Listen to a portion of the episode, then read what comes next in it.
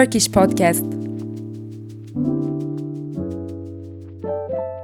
Herkese merhaba. Easy Turkish Podcast'in yeni bölümüne hepiniz hoş geldiniz. Ben Emin. Bugünkü bölümümüzde Onur'la beraberiz. İki haftalık aradan sonra tekrardan iki kişi podcast bölümlerimize devam ediyoruz. Nasılsın Onur? Teşekkür ederim Emin. İyiyim. Sen nasılsın? Ben de iyiyim. İki haftadır yoğunluğumuzdan ötürü beraber bölüm çekememiştik ama şimdi tekrardan kavuştuk. Evet. Evet direkt konuya girelim istersen lafı çok uzatmadan. Tabii. Hmm, Bugünün konu tavsiyesi senden geldi. Bu da yetişkin olabildik mi? Bence çok güzel bir soru. Üzerine konuşacak çok fazla şey bulunabilir. Evet. Öncelikle şunu sormak istiyorum sana. Şu anda ikimiz de 30 yaşındayız diyelim yuvarlak hesap. Küçükken 30 yaşında bir insan düşününce, hayal edince dünyanın en yaşlı insanı sanki böyle dünyanın bütün sırlarını çözmüş bir insan gibi hissettiriyordu. Sende de var mıydı benzer bir his? Ya 30 yaşında bir insan benim için şeydi. Kadimdi. Yani filmlerde olur ya böyle antik, mistik varlıklar. Evet. Benim için oydu 30 yaşındaki insan. Ve yani şimdi düşününce daha şeyler onlardan daha büyükler mesela 50-60 yaşındaki insanlar böyle çok çok daha uzak görünüyordu bana. Yani Evet. e, o yüzden şu anda mesela e, kadim diye adlandırdığım yaşta olmak bana enteresan geliyor bilmiyorum. Üzerine konuşalım. Evet. Peki şu anda mesela dünyanın bütün sırlarını çözmüş gibi hissediyor musun? Açık konuşayım kendim hakkındaki birçok sırrı bile çözebilmiş değilim. Peki sence bu bizim jenerasyonumuzla, bizim neslimizle alakalı bir durum mu? Yoksa acaba bizim babamız da bu yaşlardayken benzer şeyler hissediyor muydu? Ya bence bu iki durumun da bir birleşimi gibi, bir amalgamı gibi hissettiriyor bana. Yani Hı hı. evet önceki nesilde birazcık daha e, sorumluluk bilinci erken geliyordu. Erken gelmek zorundaydı gibi bir durum var. E, yetişkinlik hissi daha e, erkenden kendini belli ediyordu. Ama bir yandan da her nesil arasında farklar var. Yani ben düşününce mesela e, 80'lerde büyümüş biriyle 50'lerde büyümüş birinin çok çok farklı bakış açıları olduğunu düşünüyorum dünyaya karşı. Evet. Ve çok çok da farklı nasıl desem çok farklı e, yetişkinlik kavramları yaşadığını düşünüyorum. Kesinlikle. Yani ben kendi babamdan da aynı örneği verebilirim. Tamam şu anda ben de çalışıyorum, belli bir düzen kurdum vesaire ama babamın mesela benim şu anki yaşımda olduğu zamanı düşünüyorum. Babamın sorumluluğu çok çok daha fazlaymış. Ya da yine hala aynı yanılgıya mı düşüyoruz acaba bilmiyorum. Hani o çocukken e, bu yaşlarda olan birini çok böyle büyük hissettiğimiz yanılgıya mı düşüyoruz acaba? Yani olabilir aslında. Birazcık öyle bir yanılgı yaşıyor olabiliriz. Açıkçası şeyden çok emin değilim. Hani bizden önceki neslin bu çalışma anlayışını nasıl edindiğini, nereden edindiğini ve bunun nereden geldiğini falan filan e, tam bilmiyorum. Ama bizde o yok mesela dikkat ettiysen. Evet. Hani bizde bir böyle yani sürekli çalışayım, işimden başka bir şey düşünmeyeyim ve eve gelip sadece kafa dağıtayım ve yarın tekrar işe gideyim ve bütün hayatım bu olsun gibi bir anlayışımız yok mesela bizim. Bizden önceki nesli hatırlıyorum. Böyle e, 2000'li yılları veya hatta Hı hı. birazcık e, şey yaparsak zorlarsak 90'lı yılları hatırlıyorum mesela. Yani ben babamı mesela yani iş dışındaki bir bağlamda hayal etmekte gerçekten çok zorlanıyordum. Evet. Ama bizde o yok. Hala öyle. Yani mesela benim kendi babamla düşündüğümde hala öyle. Yani işle ilgili bir şey haricinde hiçbir şey onu o kadar heyecanlandırmıyor. Evet. Ve genel olarak tüm ülke böyleydi. Herkes işine karşı inanılmaz derecede bir sevgi besliyordu. Evet. Şu anda herkes iş bitse de gitsek evimize kendime vakit ayırsam şeklinde yaklaşıyor. Kesinlikle öyle. Bu kesinlikle normal bir şey bu arada şu anda dünyanın gelişim sürecinde daha az eforla daha fazla şeyi çözebildiğimiz için insan kendine daha çok vakit ayırabiliyor ve diğer e, diğer toplumlar işte daha refah seviyesi yüksek toplumlar nasıl yaşıyor bunu gözlemleyerek biz de kendimizi o hayata uyarlayabiliyoruz. Bunlar aslında normal birer gelişim süreci. Biraz da oradan fark ediyor aslında.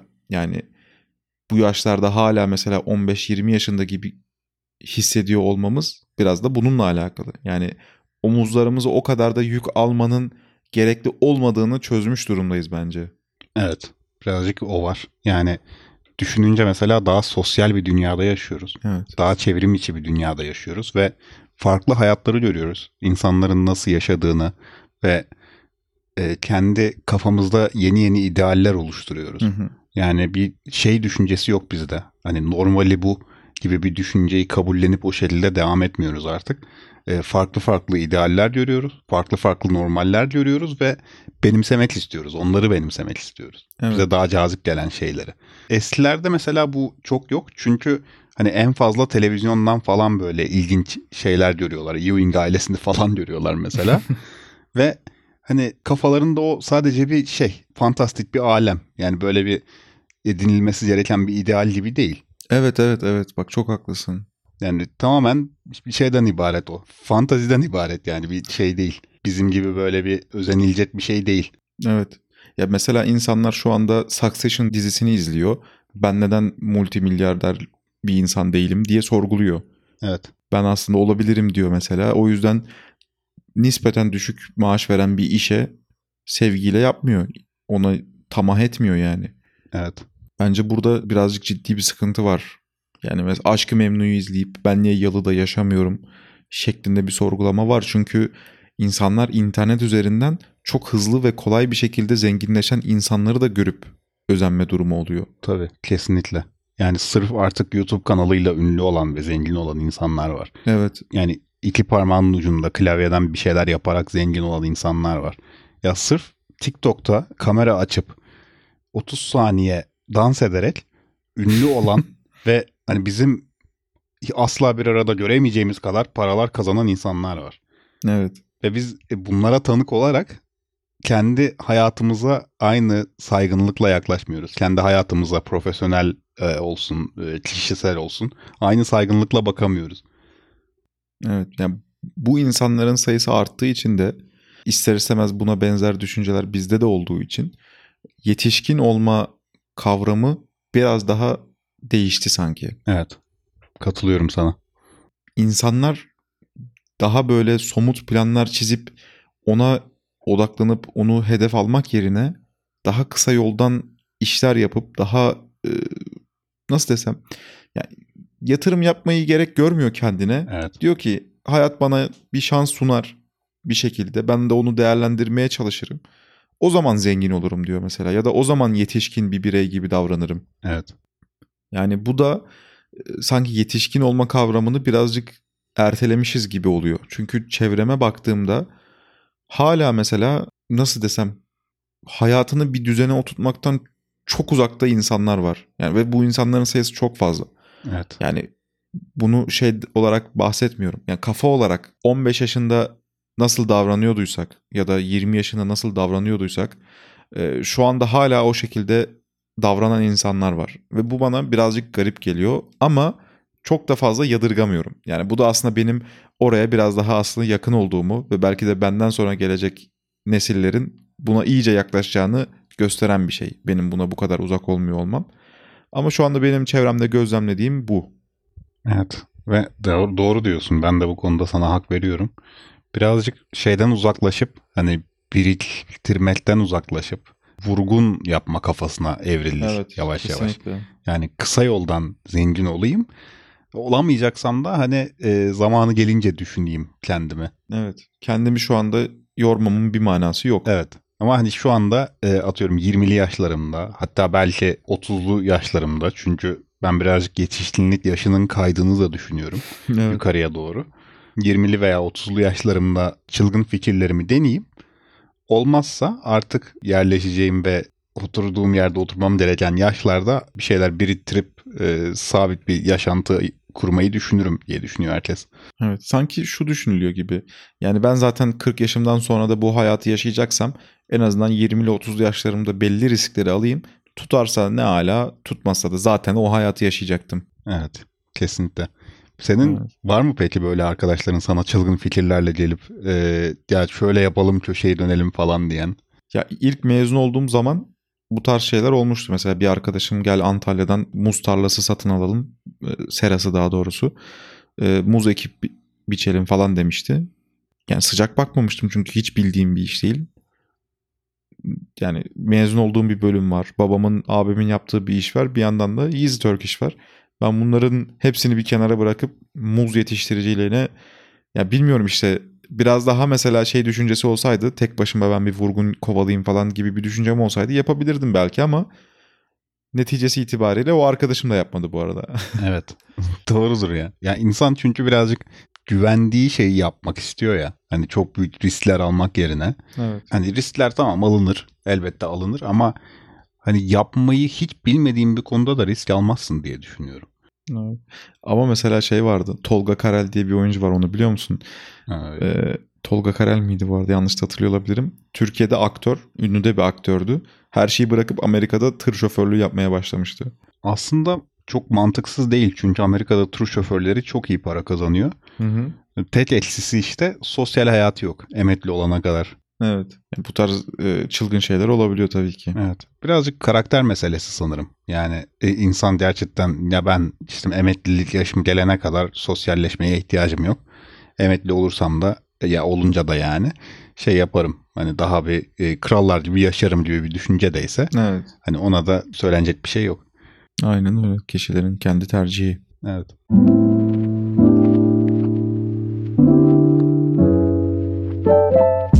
Birazdan dinleyeceğiniz duyuru reklam içerir. Bölümlerimizi interaktif transkript ve kelime yardımcısıyla takip etmek için easyturkish.fm adresine gidin, sağ üstteki membership yazısına tıklayın ve podcast kademesine abone olun. Böylece bölümlerimizden çok daha fazla verim alabilirsiniz. Peki sen genel olarak kendinle ilgili ne yaptığını biliyor musun? Belli bir kariyer planlama, hayat planlaman var mı? Yoksa akıntıya bıraktın, hayat ne getirirse ona göre mi davranıyorsun? Ya ben akıntıya bırakmayı bile zamanla öğrendim diyeyim sana. Hmm. Yani ben çocukluğumda evet daha gençliğimde, ergenliğimde vesaire kafamda bir sürü hayal vardı. Her çocuğun vardır. Böyle kademeli kademeli azalan hayaller. Atıyorum 10 yaşında süper kahraman olacağım diyen bir çocuk 20 yaşına doğru işte bilgisayar mühendisliği falan demeye başlar. 25 yaşında da işte ya iyi para kazanayım da ne olursa olsun falan demeye başlar yani. Evet. Ya bende de öyle çılgın hayaller, fikirler vardı. Ama hiçbir zaman doğru düzgün kariyer planlayabilmiş birisi olmadım. Yani kendime doğru yolu seçebilmiş birisi olmadım. Birazcık böyle e, hayatı gelişine yaşayan birisiyim ben. Hı hı. Biliyorsundur belki lisede ben şey değiştirdim, bölüm değiştirdim. Evet. Ondan sonra üniversitede de aslında nispeten iyi bildiğim, yeteneğim olan bir şeye e, yöneldim. Evet. Ve hani şu anda mesela üniversitede okuduğum bölümü yapmaya çok meyilli değilim. Hı hı. Yani e, mezun olduğum mesleği yapmaya çok çok meyilli değilim. O yüzden hala bir şey kendimi bulma sürecindeyim. Evet. Yani yetişkin gibi hissetmiyorum özetle. Ya bu mesela kendini bulma süreci eskiden bizim üst neslimizde şu şekilde işliyordu. Ya öyle bir şey düşünmeye vaktin yok. Önünde bu iş çıkmış, bu denk gelmiş, bunu yapacaksın. Çünkü başka türlü bir seçeneğin yok. Evet. Bakman gereken bir ailen var. Evlenmişsin çünkü çoktan. Bakman gereken bir ailen var. Para kazanmadığın bir ay olamaz, boşluk olamaz. O yüzden önüne ne geldiyse onu kabul etmen lazım. Evet mutlaka. Ama şu anda yani bence çok şükür ki seçme şansımız var. Evet. Bunu da bize sağladığı için ailelerimize tabii ki teşekkür etmemiz lazım. Hem bu şans için hem de anlayışları için. Evet kesinlikle. Çünkü onlara aynı anlayış gösterilmemiş olabilir. Evet ki gösterilmemiş çünkü ya anlayıştan ziyade birazcık daha mecburiyet Evet. durumu varmış sanki. O mecburiyet olmayınca insan karar almada çok da acele etmiyor açıkçası. Evet. Ama bazı normlar da var. Ee, ilerleyen şeylerde bahsederiz istersen safhalarda. Hı hı. Bazı normlardan da muzdariplermiş ya bizim ailelerimiz. Evet. Yani şöyle izah edeyim mesela. 18 yaşına gelince evlenme gibi bir baskı var. Evet. Ya bir an önce. Düşünsene 22-23 yaşlarına gelmiş ve hala bekar kalan bir kıza e, o zamanlarda evde kalmış gibi bir şey takılıyordu. isim takılıyordu. Evet aynen Yani öyle. bu bana sorarsan hem çirkin bir şey hem de bir anlamsız bir baskı bence.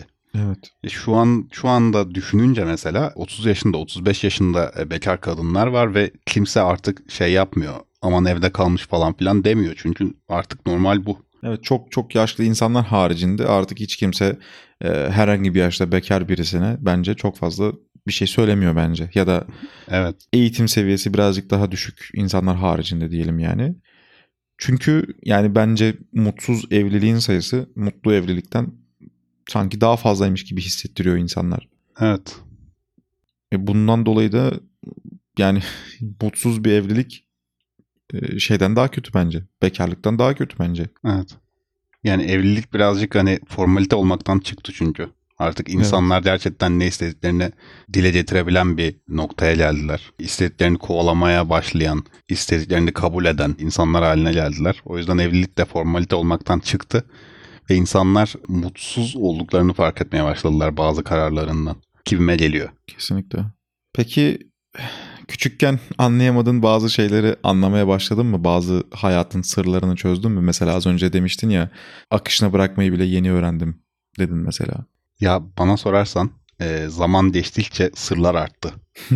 evet. Ya öyle diyeyim sana. Yani e, her zaman mesela e, şeyi düşünürdüm. Ya hep bize şey anlatılır mesela. Ölümden sonra ne olacak gibi bir e, muhabbet falan anlatılır. Hı hı. Eskiden hani herkesin kafasında çok net bir imaj. Evet. Hani böyle olacak, şöyle olacak falan filan. Hep kafanda böyle bir şey oluşurdu. O fantezi oluşurdu ve sabit kalırdı. Ama yaşın ilerledikçe e, birazcık daha ister istemez derinlemesine düşününce insan bir şeye düşüyor. Hani gerçekten nasıl olacak acaba ya diye düşünüyor. Evet. Yani inançtan tamamen bağımsız olarak söylüyorum bunu. Hı hı. Dini görüşten bağımsız olarak söylüyorum. İnsanın hani kafasını karıştırıyor. Bazı düşünceler böyle artık şeye gelince böyle kozmik boyutlara gelince diyeyim. Hı hı. insanın çok kafasını karıştırıyor. Çok fazla kuşkuya düşürüyor. Evet. insanın başını döndürüyor hatta. Evet. Şöyle bir şey var. Şimdi dünyanın çoğu gerçekten ölümden sonra bir hayat olduğuna inanıyor. Ama bunun ispatı kesinlikle yok. Evet. Yani ölüp geri gelmiş biri "Hmm, yani buna soramıyoruz var mıydı falan diye. Evet. O yüzden her zaman için yani soru işareti olarak kalacak ve bu sadece bir inanç meselesi olacak. evet. Bunun mesela cevabını çözemeyeceğini idrak etmek birazcık korkutucu ve yetişkinliğin tanımının içerisinde var bence bu. Bu bilinmezliği kabul etmek. Evet kesinlikle. Yani başta çocuklukta vesaire ya da lisede izlediğin filmlere inanıyorsun hemen. Yani filmlerde bir şey gösterilir mesela. Çizgi filmlerde falan bir cennet imajı gösterilir ya da cehennem imajı gösterilir vesaire. Yani ona hemen şey olasın geliyor. Tav olasın geliyor. Tabiri caizse. Evet. Hani kafanda öyle bir imaj oluşuyor ve sorgulamayı bırakıyorsun. Hani böyle olacak diyorsun ve hayatını yaşamaya dönüyorsun. Evet. Ama yaşın ilerledikçe işte e, tamamen şeye kapılıyorsun. Hani ya işte filmlerde gördük, çizgi filmlerde gördük ama hani böyle ol, olup olmadığını kimse bilemez.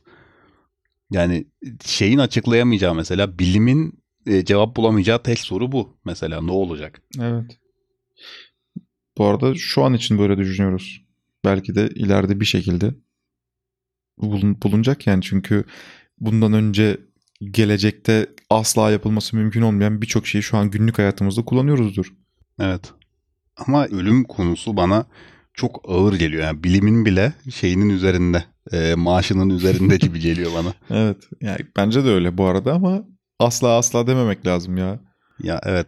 Ya ama ben sadece bulunacak şeylerin daha fazla soru işareti çıkaracağını düşünüyorum. Ha orası bence kesin abi.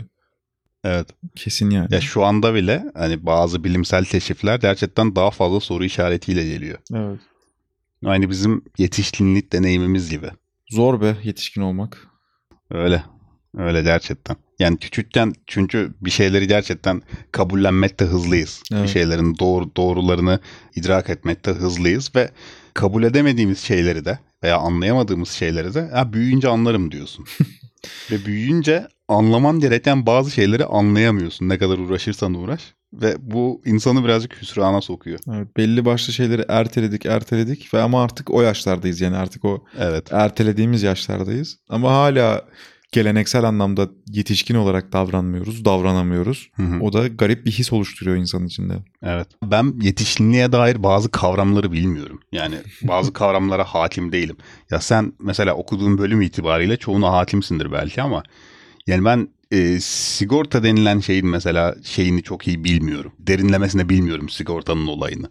Veya böyle bazı şey terimleri falan bilmiyorum. Makbuz olsun, şu olsun, bu olsun falan filan. O tarz terimlere çok hakim değilim. Ya bunu ülkenin çoğu bilmiyordur bu arada ya. Evet. Ama dediğin şeyi çok iyi anlıyorum. Böyle bazı şeyler var benim de mesela muhasebesel, vergisel bazı şeylerde evet. bu ne ya hani bunu kim öğreniyor da kim yapıyor da kim takip ediyor diye soruyorum kendime. Evet. Ya babam mesela hani vergi dairesinin numarasını falan filan şey yapıyordu da şöyle ya bu hiç bilmediğin kavramlar havalarda uçuşuyordu. Evet. Ve şu an 30 yaşıma geldim hala bu kavramları bilmiyorum. Bana enteresan geliyor. O insanlar nasıl biliyordu? Evet, Nereden ya biliyordu ve niye biliyordu? Bu işlerin içine girmedikçe öğrenmiyorsun ya. Evet. O kesin bence. Evet, eğer doğru. ihtiyacın yoksa hiç öğrenmene gerek yok. Ama eğer ihtiyacın oluyorsa bir şekilde yapa yapa sonra sonra öğrenmek zorunda kalıyorsun. Ve bu insanlar da yani babalarımız da bu şekilde öğrendiler. Sadece şu anda bizim bunu öğrenmeye ihtiyacımız yok yani. Evet. Peki ben sana bir soru yönelteyim. Evet. Sonuçta çocuk olmanın veya ergen olmanın e, özelliklerinden bir tanesi de bir ailenin çocuğu olmaktı. Değil mi? Evet. E, peki sen şu anda bir ailenin babası olarak görebiliyor musun kendini? Ağır soru biliyorum ama. Evet. Ya bu hissiyat bir anda insana gelen bir şey mi yoksa atıyorum çocuk yapma kararı verdikten sonra zamanla insanın üstüne oturan bir şey mi? Onu bilmiyorum gerçekten. Evet. Ama şu an için öyle bir hissiyat yok içimde. Çünkü dediğim gibi çevreme baktığımda benim çevremdeki arkadaşlarımın %90'ı ya evlilik yolunun başında bile değil. Evet ya. Mutlaka. Ama mesela ben evlendim ama ben de mesela kendimi bir baba olarak çok fazla hani uzak da değilim bu kavrama ama hani çok da yakında değilim yani. Ben bu çevreyle beraber gelişen bir durum biraz. Anladım. Hani belki de çevremdeki herkes evlenip çocuk yapsaydı ben de kendimi e, geride kalmış gibi hissedebilirdim yani. Evet. Ya çoğu zaman öyle değil mi zaten? Evet. Yani yetişkinlerde mesela şey vardı. Bizim çocukluğumuzda birisi televizyon alırsa mahallede biz daha büyüğünü almalıydık gibi bir hissiyat olurdu genelde. Aynen. bir televizyon renkliyse bizimki daha renkli olmalı. Kontrastı sonuna kadar açma falan filan muhabbetleri. Onun dışında işte ya şey kavramına gelince babalık kavramına gelince mesela e, ben kendim daha evlilik yoluna bile girmemiş bir insanım. Düşün 30 yaşında. Ve ya bana sorarsan insanlar e, baba olduktan sonra ya da e, çocuk sahibi olduktan sonra akışına bırakıyor. Öğrenirim bir şekilde diyerek devam ediyor. Evet. Ben kimsenin hazır olarak bu işe giriştiğini düşünmüyorum. Ha, mental olarak hazır olursun. Hani e, finansal olarak atıyorum. Hani şu anda şeyim, ayaklarım yere sağlam basıyor ve ben bu kararı almaya hazırım diye düşünebilirsin ama e, şey olarak kimsenin hazır olduğunu düşünmüyorum ben. Hani ben artık kendimi bir anne ya da baba olarak kabul ediyorum. Bu sorumluluğu nasıl yapacağımı biliyorum her şeyi ve artık zamanı geldi diye bu işe giriştiğini düşünmüyorum ben.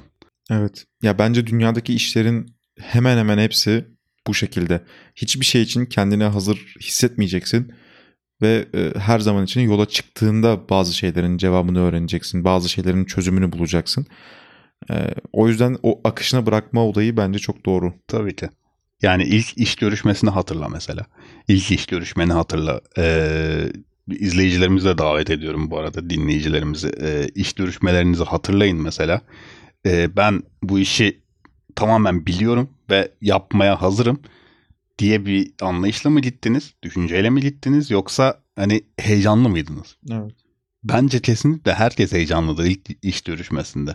İlk mesleğe başladığında herkes heyecanlıdır mutlaka. Çünkü ya kimse hiçbir şeye hazır değil. Evet. Bazı şeyleri olayın içinde öğreniyorsun. Ya bildiğin bir iş bile olsa bu arada o başlayacağın iş. Sonuçta yeni bir ortama gireceksin. Yeni bir yapılış şekli olan bir ortama gireceksin. İnsan gerçekten hiçbir şeye kesinlikle yüzde yüz hazır olamaz ya. Evet. Olamaz yani. Bence doğanın işleyiş şekline de aykırı bu. Evet. O yüzden şöyle diyebilir miyiz? Biz yetişkinliğe hazır değildik. yani cidden hazırlıksız yakalandığımızı düşünüyorum ben. Evet. Ben 30 yaş şeyini öyle bir baraj olarak koyuyorum kendime. Bir iki senem hatta iki seneden daha az bir sürem var buna. Hani o zamana kadar biraz daha çocuksu takılabilirim diye düşünüyorum. Evet. Ama muhtemelen 30 olunca da onu 35'e çekerim ben. Ya ben çektim mesela. Hayırlı olsun. bu, bu yaz girdim 30 yaşıma ve çektim ama 30 yaş güncellemesi bana birazcık bu konuda baskı yapıyor. Yani e, saçımdaki beyazları görmeye başladım 30 yaşıma girer girmez. Evet. Ne bileyim üzerimde daha büyük bir ağırlık hissetmeye başladım. Sağlık olarak mesela daha bir şey hissettim kendimi. Yavaşlamış hissettim maalesef. Ya 30 yaş güncellemesi bana çok ani geldi. Evet. Ve hani bir şekilde alışmaya çalışıyorum ve kendimi de hala 35'ime kadar şeyim e, genç yetişkinim diye ikna etmeye çalışıyorum. Evet. O yaşa geldiğimizde bir podcast bölümü çekersek bir de o zamanın bir değerlendirmesini yaparız. Evet artık yetişkin miyiz hala olamadık mı ya gibi. Aynen. 60 yaşımıza gelmişiz yetişkin olabildik mi? Evet gençliğimizin tadını çıkarıyor muyuz? evet. Evet. Onur'la beraber yetişkinliğe dair kavramları, yetişkinliğe dair hissettiğimiz şeyleri derinlemesine değerlendirdiğimizi düşünüyorum bu bölümde de. Bizi dinlediğiniz için çok teşekkür ederiz. Bir sonraki Easy Turkish Podcast bölümünde görüşmek üzere. Hoşçakalın.